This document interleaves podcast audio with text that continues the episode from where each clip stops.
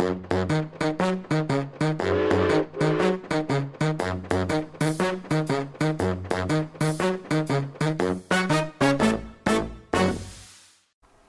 og velkommen til en ny episode av podkasten Ekspedert.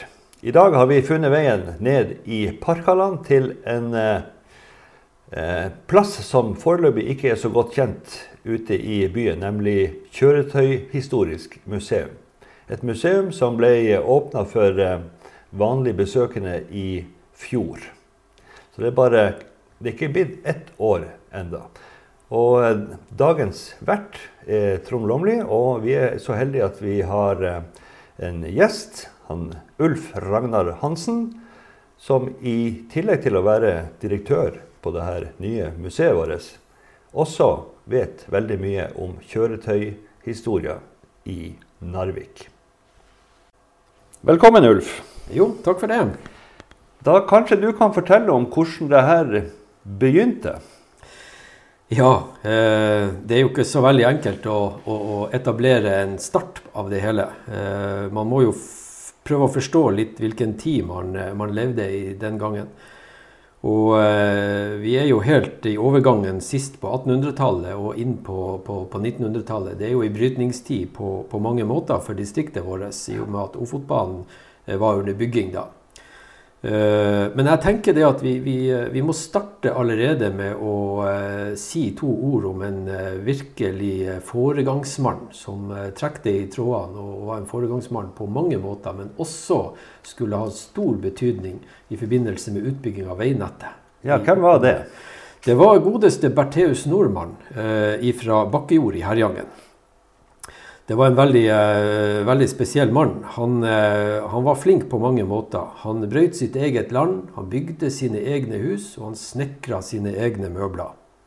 Nesten som en Isak Sellandrå? Ja, i utgangspunktet var, kan du si det. Han, uh, og i tillegg så, så tjenestegjorde han Han var jo ikke noe, han var jo ikke noe Han var jo en stayer. Han var jo faktisk lærer i 50 år.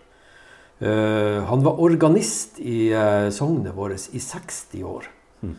Og når man da kan tenke seg til at midt oppi alt det her, så skulle han ro imellom, kirke, imellom kirken og være organist. men ikke minst så gikk han jo på som ordfører i Ankenes herred i 1882. Og der skulle han bli sittende i 35 år. Det må jeg si. Til 1917 heil, gjennom hele denne pionertida som, som vi nå eh, skal snakke om. Og I denne perioden så var han også mangeårig formann i Nordland fylkestings veikomité. Og nå begynner vi å, å skjønne koblinga her. Det er nesten rart ikke han har fått ei gate oppkalt etter seg. Han uh, har uh, gate oppkalt etter seg i Bjerkvik. Um, og da kan man jo nevne det at eh, bortsett fra stier og krøtterstier og sånt, det man eh, kan kalle for veier, eh, da var det altså, når han gikk på som ordfører i 1882, så var det null kilometer i Ankenes kommune. Du verden. Eh, eller Ankenes herred, som det heter den gangen. Og da han gikk av i 1917, så var det 70 kilometer. Ja, det må jeg si. Så han, eh, han gjorde en stor jobb på mange felter. Uh, godeste Bertheus Nordmann. En foregangsmann? Ja, en skikkelig foregangsmann. Uh, så han har nok lagt til rette for mye ut av det som uh, har skjedd i den perioden som vi, som vi snakker om. Men han var jo ikke alene pioner når, når Klondyke-tida kom her, ikke sant? og det begynte å, å bli snakk om bygging av jernbane så kom det jo mye industri og industriarbeidere til distriktet vårt. Og, og ting som skulle fraktes? Ja, ikke minst. Eh, og, og, eh, en av de første som kom til Narvik i denne tida, det var jo eh, Og som det er skrevet en del om, det var jo en som heter Anders Westerheim. Han kom fra Evanger i Voss. Og eh, han kom til Narvik allerede i 1884. Og eh, drev da som eh, skrepphandler under eh, banebygginga. Ja, den første engelske perioden, ja. ja. Og så etablerte han seg i Rombaksbotn. Og der drev han landhandleri, han drev hotell. Han var transportsjef, og han var kjørekar. Det må jeg si. Og eh, det kan jo være verdt å, å, å, eh, å nevne at under folketellinga i år 1900 så var det registrert 60 kjørekarer i Rombaksbotn. Ja, det er ganske mye folk, det. Hestefolk. Ja. Det er klart, eh, forsyningene til Lofotbanen eh, Det var store mengder med, med gods og verktøy og personer som skulle imellom. Og dampbåten som gikk til Rombaksbotn, han, eh, han var nok mer enn full på turene sine. Hmm. Uh, han flytta da til Narvik i 1902. Og der skulle han fortsatt, fortsette å være en, en, en, en, en foregangsmann. Han ble jo da det, det man kalte for en vognmann. Ja, det var jo en Kjøre, fra kjørekar til vognmann. Ja, det var ærefull tittel. Ja, det er klart det. vet du. Så, eh, men han var jo ikke alene da. Eh, en av de andre som faktisk bør nevnes med navn, det var jo eh, den eh, legendariske Kristian Vikestad. Ja. Eh, han kom jo fra Bindal, da. Eh, de fleste som eh, kom til Narvik i den tida, kom jo fra en eller annen plass. Og han, eh, Vikestad han kom da fra Bindal. Han kom litt seinere. Han, kom, eh, han, han var ikke inne i Rombaksbåten. Han eh, tjenestegjorde bare i Narvik. Han kjøpte sin første hest i 1901. Hmm. Og eh, det artige med Kristian Christian Vikestad, det var det at han, han drev som kjørekar, og han hadde jo mange hester. og, og mange kjørekarer under seg. Og han solgte hesteutstyret sitt i en alder av 80 år, i 1949. Det må jeg si er en lang karriere. Ja. Og eh, det som er litt morsomt, da, var det at da hadde han også holdt på med bil og bilkjøring i 35 år. Og eh, han var, eh, som vi skal komme tilbake til litt senere, også blant de aller første pionerene på bilfronten i, i Narvik. Eh, de her vognmenn som kom ut av Rombaksbotn og, og, og tok seg jobb inn i Narvik, de, eh, de, eh, de var tidlig flinke å organisere seg. Narvik Vognmannsforening, som det så fint heter, det ble etablert i 1902. Og de, eh, etter hvert så, så kasta de seg faktisk inn i politikken. Det må jeg si. Eh, hvordan da? Jo, altså eh, de, de, de, de klarte faktisk å etablere ei valgliste til eh, kommunestyret i 1913. Altså et eget sjåførparti? Ja. Et eget sjåførparti. Man kan jo lure. altså det, Samfunnet besto jo av veldig mange yrkesgrupper det, alle den gangen, med, med, med bakere og andre håndverkere. Men sjåførene de var, eh, de var litt, eh, litt foran der. Og da klarte de faktisk å få inn han Kristian Vikestad som fast representant i Narvik bystyre. For å fremme sine For å fremme kjørekarene sine arbeidsforhold. Ja.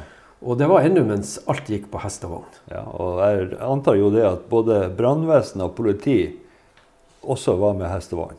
Det var jo, eh, all, all tjenesteyting var jo med hest og vogn. Eh, fordi at eh, den første bilen var jo ikke kommet til byen enda. Nei. Den kom like inn på året 1914. Faktisk 17. mai 1914. Det var litt av en eh, oppstandelse. Ja, det, det skrives en del om akkurat det. Og eh, der, der, der har jo vært presentert og fins et flott bilde som er tatt av den bilen utafor Grand Hotell. Den ble jo kjørt direkte opp fra dampskipskaia til, til Grand Hotell. Og der ble det tatt et offisielt bilde av eh, de fem personene som eh, gikk i hop og spleisa på den, eh, den første bilen.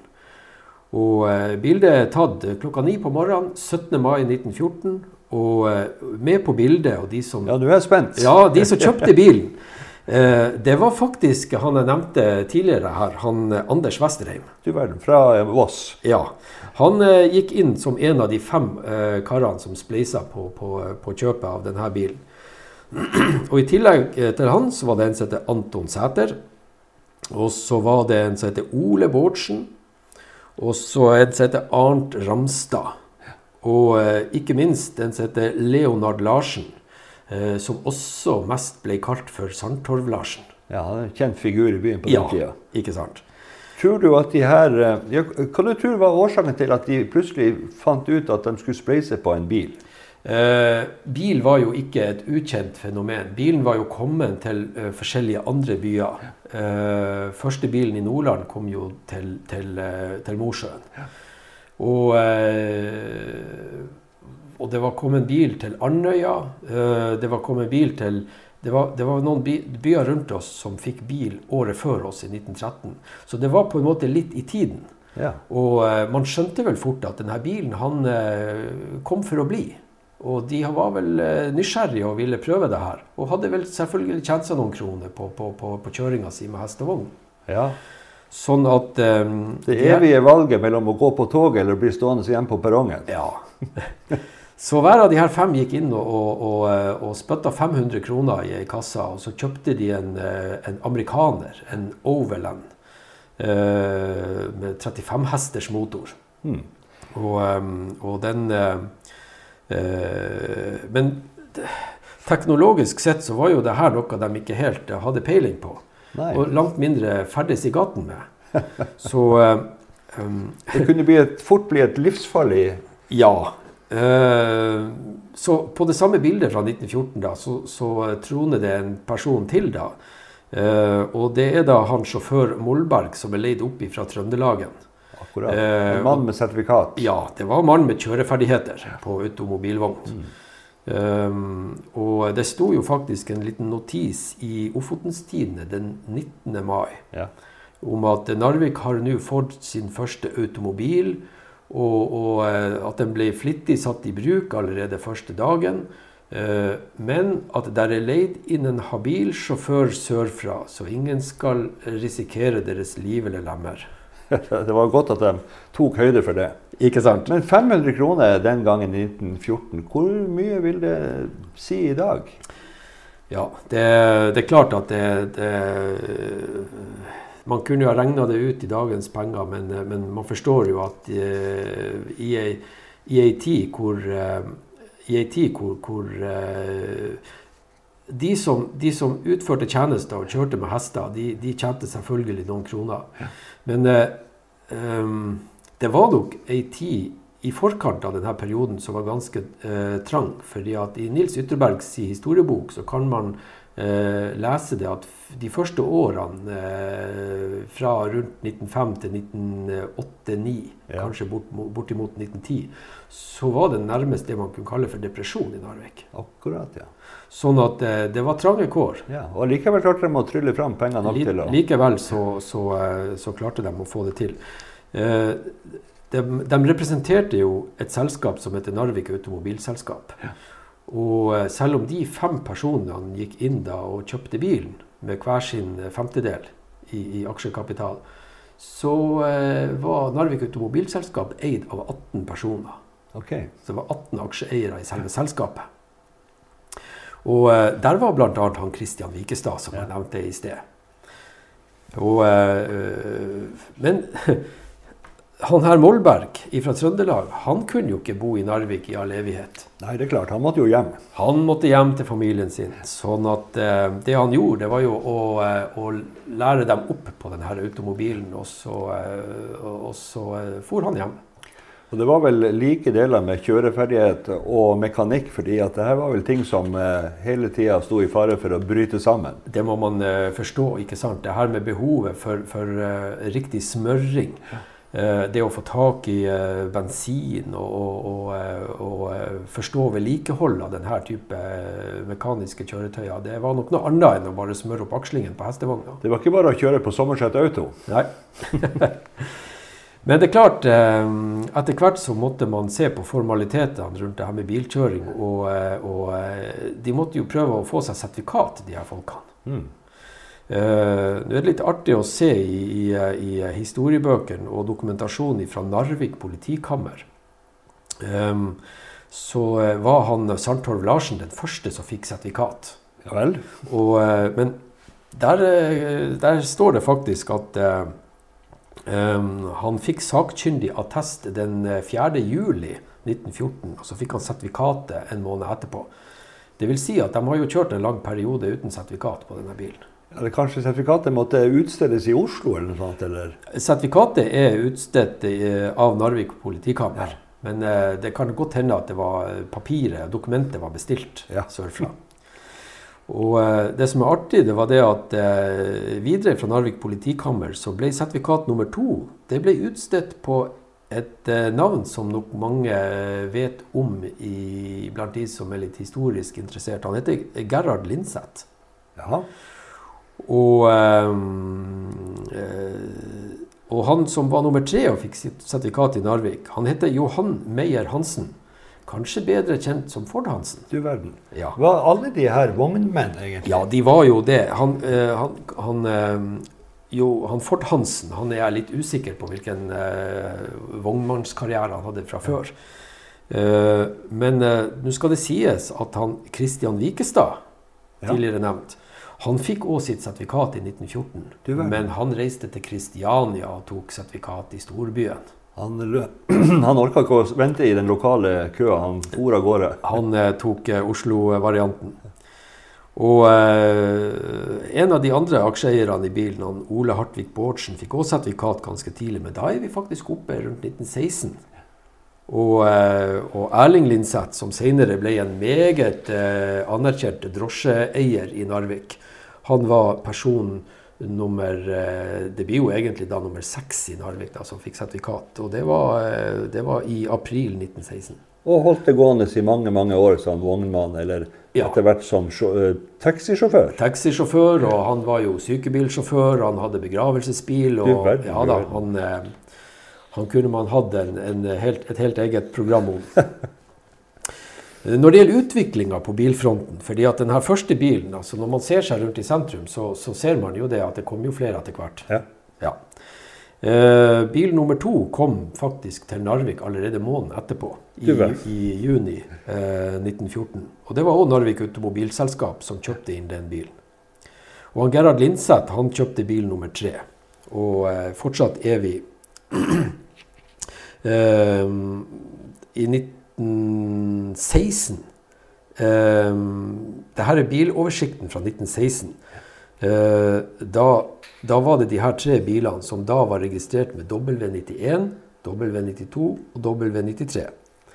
Eh, men seint på året så kjøper Christian Vikestad seg bil. Og det var ikke noe hva som helst. Det var en Studebaker på 50 hestekrefter. Den ble registrert W94. Den overgikk vel de andre. Ja, det er klart. 15 hester mer, det, det hjalp nok på i, i bakkene i Narvik. Ja. Eh, videre fremover så kan vi jo se i oversikten over registrerte kjøretøy at i, eh, i, i 1922 så var vi faktisk ikke kommet lenger enn til 13 motorvogner i Narvik. Det har kanskje litt å gjøre med at vi hadde, hadde en verdenskrig eh, derimellom fra 1914 til 1918 med dyrtid og mangel på det meste. Ja, og det er nok en god forklaring på hvorfor eh, ting ikke gikk så veldig eh, fort. Men eh, det er jo det er jo ikke til å legge skjul på at det ble jo litt eh, diskusjon i byen eh, også om de her bilene som kom og spønte opp gaten og skremte hestene og alt det her. Og det var nok kanskje noen av de der hestekarene som ikke hadde råd å kjøpe bil, som var litt misunnelige, og som skjønte det at eh, nå tjener de seg penger, de her karene. Ehm, fordi at det ble faktisk vedtatt i bystyret i 1914, sent i 1914 at det kun var lov å kjøre automobil i, i, eh, i sentrumsgaten i Narvik. Så de klarte bokstavelig talt å stikke kjepper i hjulene. Ja, du kom deg til Taraldsvik, og du kom deg til Framnes og du kom deg til Fagernes. Men uh, å kjøre de øvrige smågatene, det, det ble da satt et, eh, et forbud. Eh, Kun for hester og. Ja. Så fikk man på en måte fordelt markedet litt òg. Ja. Eh, og, og så vet jeg ikke de her eh, råkjørerne om de var litt Om de kjørte fort for å tjene penger. For i 1916 så vedtar da bystyret at det faktisk bare er lov å ha 20 km i timen som maksfart på de automobilene som da var kommet. Det var forutseende. Ja. I dag er det 40. I dag er det vel litt mer, ja. ja. Ehm, ja, det som kan nevnes, det er jo faktisk det at eh, han Ford Hansen, Ja. eh, som han het, han, var, eh, han tok en av de her første overlendene som kom til byen. Den var da registrert W97. Det var den første bilen som kom til Svalbard. Oi. Den hadde han med seg opp eh, på båttransport i forbindelse med et eller annet oppdrag der som, som ikke jeg er kjent med detaljer hvorfor han dro dit. Men han var den første som bringa en bil til, til Spitsbergen. Det må jeg si. Og både den, den første bilen i Narvik var en Overland, og den første bilen oppe på Spitsbergen var også en Overland. Det var en Overland, det også, ja. ja. Og uh, bilen var jo uh, en, Det her skjedde jo i 22, og bilen var en 1917-modell. Ja. Ja. Yes. American quality. Ja, ikke sant. Ja, Nå skal ikke vi gå i detaljer om bilutviklinga videre, men det kan jo være, eh, det kan jo være nev verdt å nevne eh, at i 1925 så var vi kommet opp i 39 eh, motoriserte kjøretøyer. Det var ikke dårlig. Og på motorsykkelfronten så fikk vi vår første motorsykkel i 1920. Hmm. Sånn at, men det var ikke veldig mange motorsykler den første tida. Nei. Nei. Um, i, I 29 så var det faktisk eh, Narvik som hadde halvparten av fylkets eh, mengde motorkjøretøyer. Ja, Det er sånn som vi liker å høre. Ja, var, det, må ha, det, må ha, økt veldig fort, for da var det faktisk 250 motoriserte kjøretøyer registrert i, i Narvik. Og 500 totalt i hele fylket. Ja. Og da snakker vi sånne plasser som Bodø, Svolvær, Mo i Rana, Mosjøen. Um, ja, og andre plasser, industristeder, som man egentlig kan sammenligne seg med, som man kunne ha forventa hadde samme utviklinga som Narvik. Men Narvik var jo, eh, på, Narvik var jo på denne tida eh, Nord-Norges eh, største by. Ja. ja. Og i 1920 så hadde jo vi 6000 innbyggere i, i, Narvik. Og det økte jo fort, for i 25 så hadde vi kommet opp til 7000 innbyggere. Og eh, i 1930 Vi rakk ikke 10 000. 9900 innbyggere i Narvik i 1930. Så det var mange som flytta hit ja. og, og, tok del i den, den utviklinga som, eh, som, skjedde i Narvik.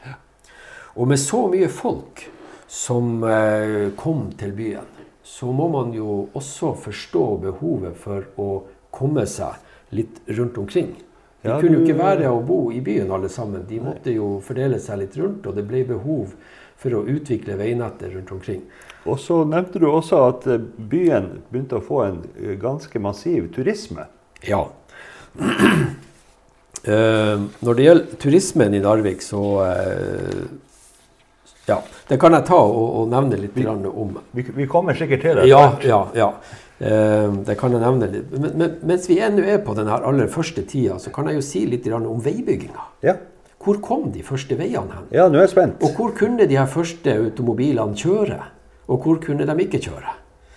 Um, hvis vi nå ser uh, vender nesen sørover fra Narvik, da, ja. så er det jo da sånn at um, kirka på Ankenes var jo bygd uh, på 1800-tallet. Og behovet for å komme seg til kirka var jo stort blant folk. Og, uh, så den, En av de aller første veiene i området vårt her, det var da fra Ankenes til Hokkvik. Ok, Eller fra Hokkvik til Ankenes? Fra Hokkvik til Ankenes, ja. ja. Eh, det, kan man eh, det kan man selvfølgelig si. Det kan jo være artig å, bare nevne det at i Nils Ytrebergs historiebok så står det faktisk det at eh, først på 1900-tallet så var Hokkvik å anse som Narviks svar på Holmenkollåsen. Der var det landlig, og der det var, var det landlig, god plass. Og der, eh, der bygde de, eh, de, rike folkene sine landsted. Ja. Kanskje kan det ha litt å si med at det var ei veldig oppegående lakseelv i Hokkvik eh, i denne tida. For kraft, kraftutbygginga eh, var jo ikke kommet i gang Nei. på den tida. Og så var det jo vakkert. Lett å få tak i fersk melk og Solvendt. Ja. Det var meieri i Håkvik. Og, ja. Ja. og de laga egen ost, til og med. Ja, ikke sant? um, og når man først er på sørsida, så hvis vi nå hever blikket litt ut i distriktet, da, så, så, eh, så, vet, så ser vi at veien eh, mellom Ballangen og Tjeldbotn, den kom i 1913. Ja. Det var tidlig. Ganske tidlig. Ja. Den eh, gjorde det, og mest sannsynlig var det for å, å, å, komme til ei havn hvor det var lett å komme seg over Ofotfjorden. Ja. For man hadde jo, eh, man hadde jo nærhet til, til Evenes. Ja. Og det var viktig å, å ivareta båtforbindelse og, og samferdsel ja. med, med, med nordsida av Ofotfjorden. Ja, det var samme kommune. Ja visst var det det. Og eh, videre så, så, kom der en veistubb fra Kongsbakk til Lengenes i 1918. Og eh, videre oppover Melkedalen så ble veien bygd i 1925. Eh, men hvis vi skal tilbake til Skjomen igjen, i 26 så kom veien fra Lengenes til Bogholm. Du verden. Og um, da er det jo verdt å nevne det at uh, med den veistrekninga der, så, uh, så, etablerte jo han Christian Grønvoll uh, kjøring i Skjomen. Først med postbil, postrute. Eh, men etter hvert så begynte han å ta passasjerer med på postbilen. Ja, og Grønvoll var jo en av de øverste gårdene Ja, i. Tjomdalen. Ja. ja. Og han Christian Grønvoll der, han var jo også en, en pioner. Han skjønte jo det at hvis han skulle, ha, eh, hvis han skulle få til ordentlig kjøring med bilene sine der inne, så, eh, så måtte han få til forbindelse fra Kongsbakk og mot Grinjord. Så han, Kristian Grønvoll Grønvold han eh, tok initiativ til å få bygd ei fergekai på Kongsbakk. Rett nedover butikken til han eh, Enevold. Enevold, Hans Enevoldsen. Eh, Det vil si han, jeg vet ikke om det var Hans som, eh, som regjerte i butikken den gangen. Han som regjerte til slutt, i hvert fall. Men vi er i samme område, ja. Ja. ja. Eh, Det som var litt artig å, å, å høre fra familien, det var jo det at han eh, For å få det her til, så var det jo lite penger. Eh, og han Kristian han eh, henvendte seg da til eh, bygdas bønder, Ja. gårder, og forlangte at alle måtte bidra med en stor tømmerstokk hver til bygginga av fergekaia. Okay. Ja. Og det gjorde de villig vekk. Men av en eller annen grunn så var det en da som ikke bidro. Um, og det sies jo da senere og i ettertid at um, han eh, fikk da pent og pyntelig stille seg bakerst i fergekøa. Så fikk, han, så fikk han plass hvis det var plass Ja. når han skulle i vella. De, de hadde ikke glemt at han svikta med stokken. Som, som, som man reder sin seng, så ligger man. Ja. Nå kan det jo være årsaker til at han ikke, kanskje han ikke hadde å bidra med, men i hvert fall så, så ble det nå ikke helt eh, sett med gode øyne på. Nei, han havna i hvert fall bakerst i køa. Ja. så sånn kan det bli. Ehm, ja, veibygging videre. Ehm, ferga eh, Altså, vi vet jo at det å komme seg over eh, havnebassenget Mm. eh, var jo også et behov. Og før det ble bygd ut veier, så, så var det jo faktisk sånn at man hadde i 1907 så ble det etablert roende flyttmenn. Som rodde folk imellom Fagernes, Narvikgården, over til Ankenes. Ja. Og, eh, og eh, der det var behov for å komme seg imellom. Ja, og sikkert også mellom de her større båtene som lå på havna. Og, Ja. Eh, Nå var ikke denne flyttmannstjenesten etablert i 1907, men, men han, var, han var etablert tidligere. Ja. Men de var ganske snar eh, med å skjønne det at vi, må, vi, vi, vi, kan ikke la folk drive og, og, og, og, og ro passasjerer. Eh, man sliter seg ut. Så i, så i 1907, sent i 1907 da, så gikk Bolaget og NSB i hop og kjøpte motorer til de båtene. Ok. Ja, da, og da gikk de sikkert mye greiere og, Ja, det ble jo og en tryggere. annen- Ja, det er klart. Så da fikk man motorisert eh, personbefordring på, på, i havnebassenget i Narvik. Ja, nesten som et lite Venezia. Ja, og så kan man tenke seg til at Båttaxi. Ja, ja faktisk. Og helt frem til, eh, sånn var det jo helt frem til i 1927. For da kom den første personbåtruta eh, over til Ankenes. Ja, mellom byen og mellom byen og Ankenes. Men fortsatt var det kun mulighet å, å, å ta personer, ikke Ja. kjøretøy. Nei. Sånn at eh, det første kjøretøyet som kunne ta båt, eh, det var jo eh, når fergen Ankenes ble eh, satt i drift. Eh, fergen til Ankenes ble satt i drift da, og det var i 1930. Ja, og den het vel gjerne Ankenes. Ja, da fikk man bilene over eh, fjorden. Og med det så, eh, så kunne jo storkarene i Narvik eh, kjøre til landstedet sitt. Ja. Eller bli kjørt. ja. Eller bli kjørt, ja. Ja. Det var kanskje mest det siste at de ble kjørt. Ja, ja, ja. ja, ja. Lasta om bord med familie og pargas, og så var det ut til, til idylliske Håkvik. Ikke sant? For der, der slutta veien. Ja. Eh, der, kunne du, eh, der kunne du jo da ta ferge til, uh, til Skjomen. Ok. Ja. Ferge til Kongsbakk, og så, og, så, og så gikk det jo vei opp til Skjomen, da. Ja. Nå vet jeg jo ikke helt hva man hadde der å gjøre i denne tida, Nei. men eh, Gårdsbesøk. det kan man jo selvfølgelig bare spekulere i. Ja. Eh, hvis man nå vender nesen litt nordover og ser på, på hva, hva skjedde på nordsida av Narvik, eh, så var jo den aller første veistrekninga der det var jo faktisk mellom Bjerkvik og Herjangen. Ja. Om det kan ha noe å si at han Bertheus Nordmann eh, bodde jo på bakkejord i Herjangen, Eh, det, det kan man jo bare spekulere i, men selv i dag så lurer man jo på om eh, ikke samferdselsministrene er litt ekstra snille med sine egne distrikter. Har de ikke noen oppsettunneler nede i Sogn? Og det kan man selvfølgelig bare spekulere i. Men i hvert fall eh, så eh, Det var flere store gårder der borte, sånn at man hadde behov for veiforbindelse.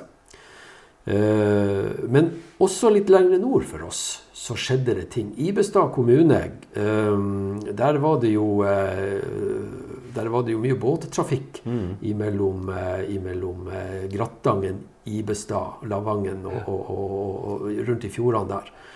Og det ble jo tidlig etablert dampskipskai eh, på Elveneset, som det heter, i Grattangsbotn.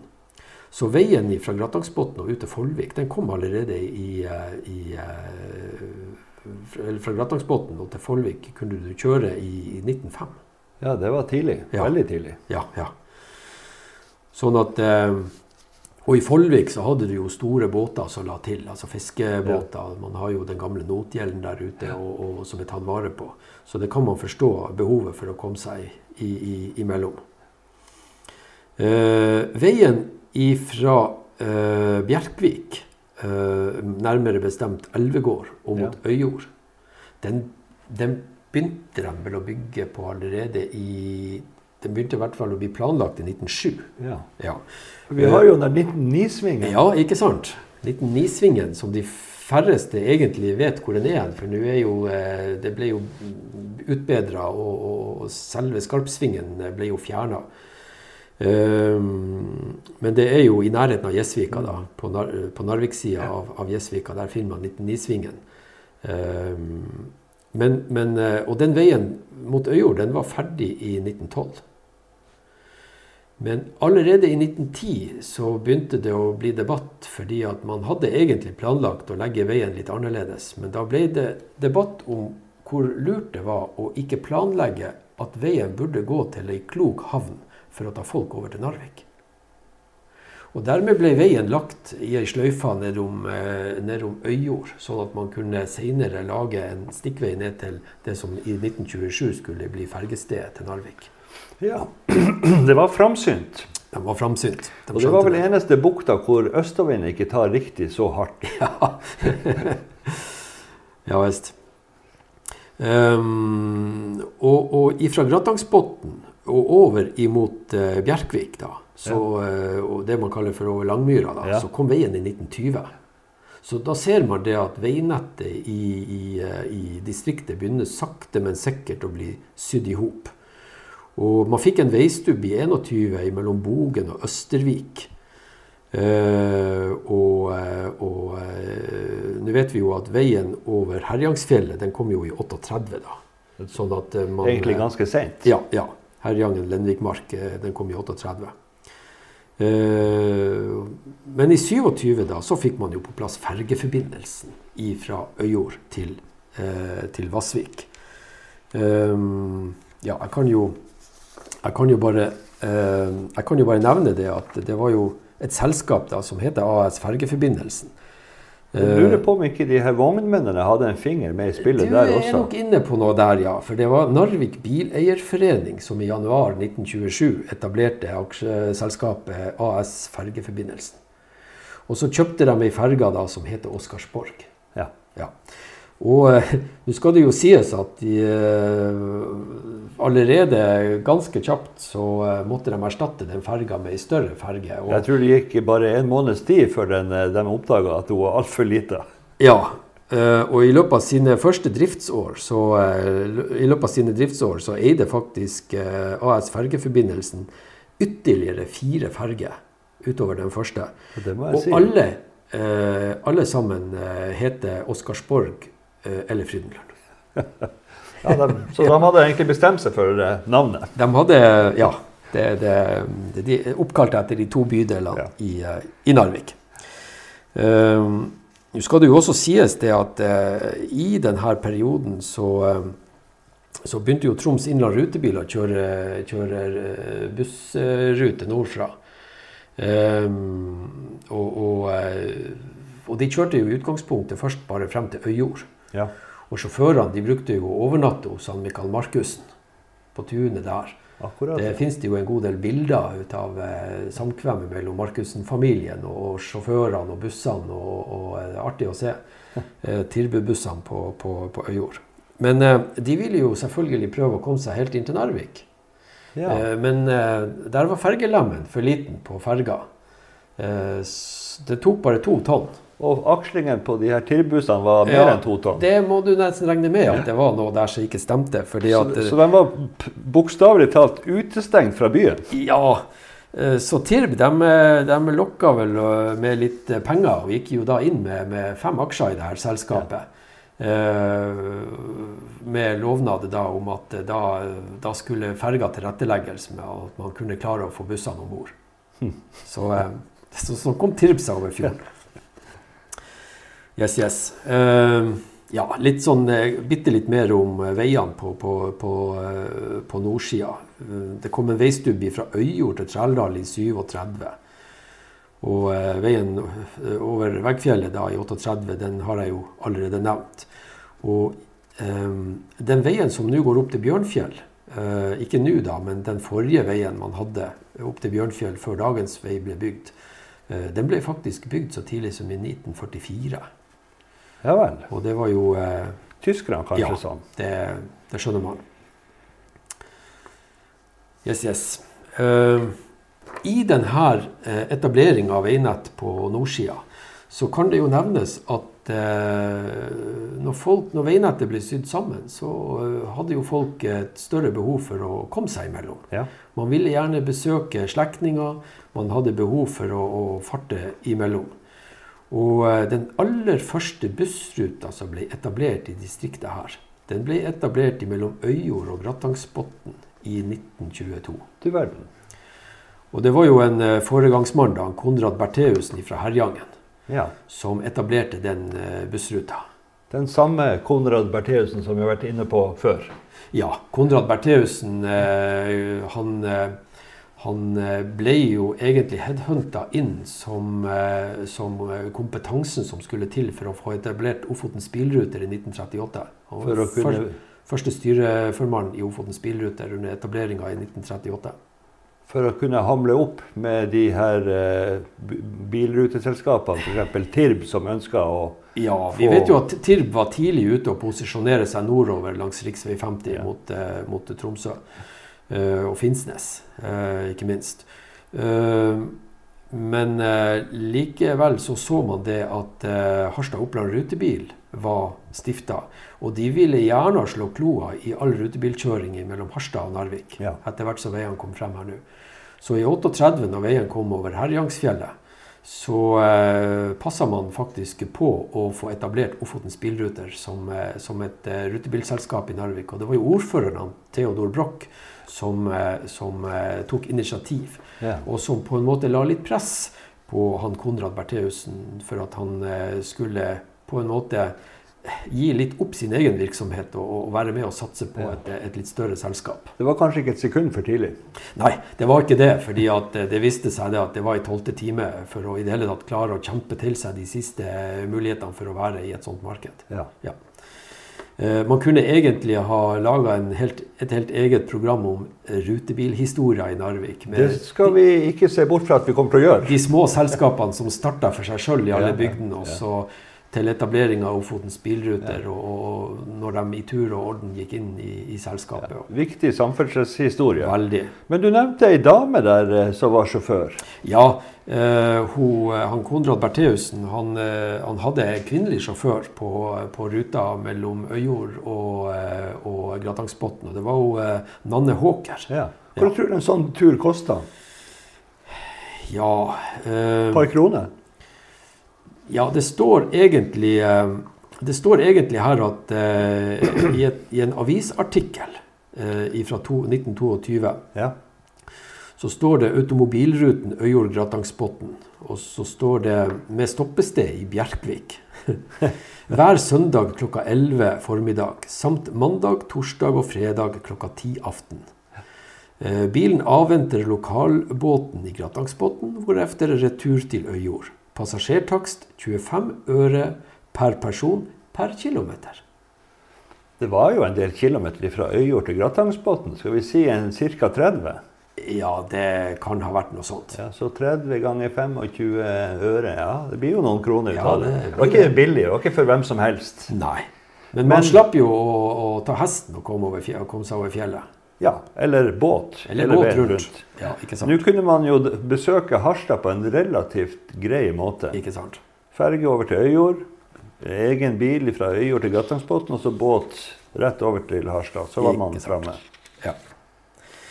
Ja, det er jo eh, Når man først er på nordsida der, så kan det jo være litt, eh, litt artig å se på. Vi vet jo det at, at langs rv. 50 og nordover så, så ble det jo etablert noen eh, legendariske eh, stoppesteder hvor folk eh, vanligvis tok en pause i bakken.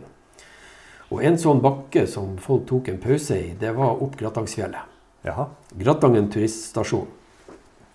Der hadde jo han Einar Mosling eh, bygd et, en, en turisthotell oppi bakken der. Og det var jo veldig populært å ta pause der.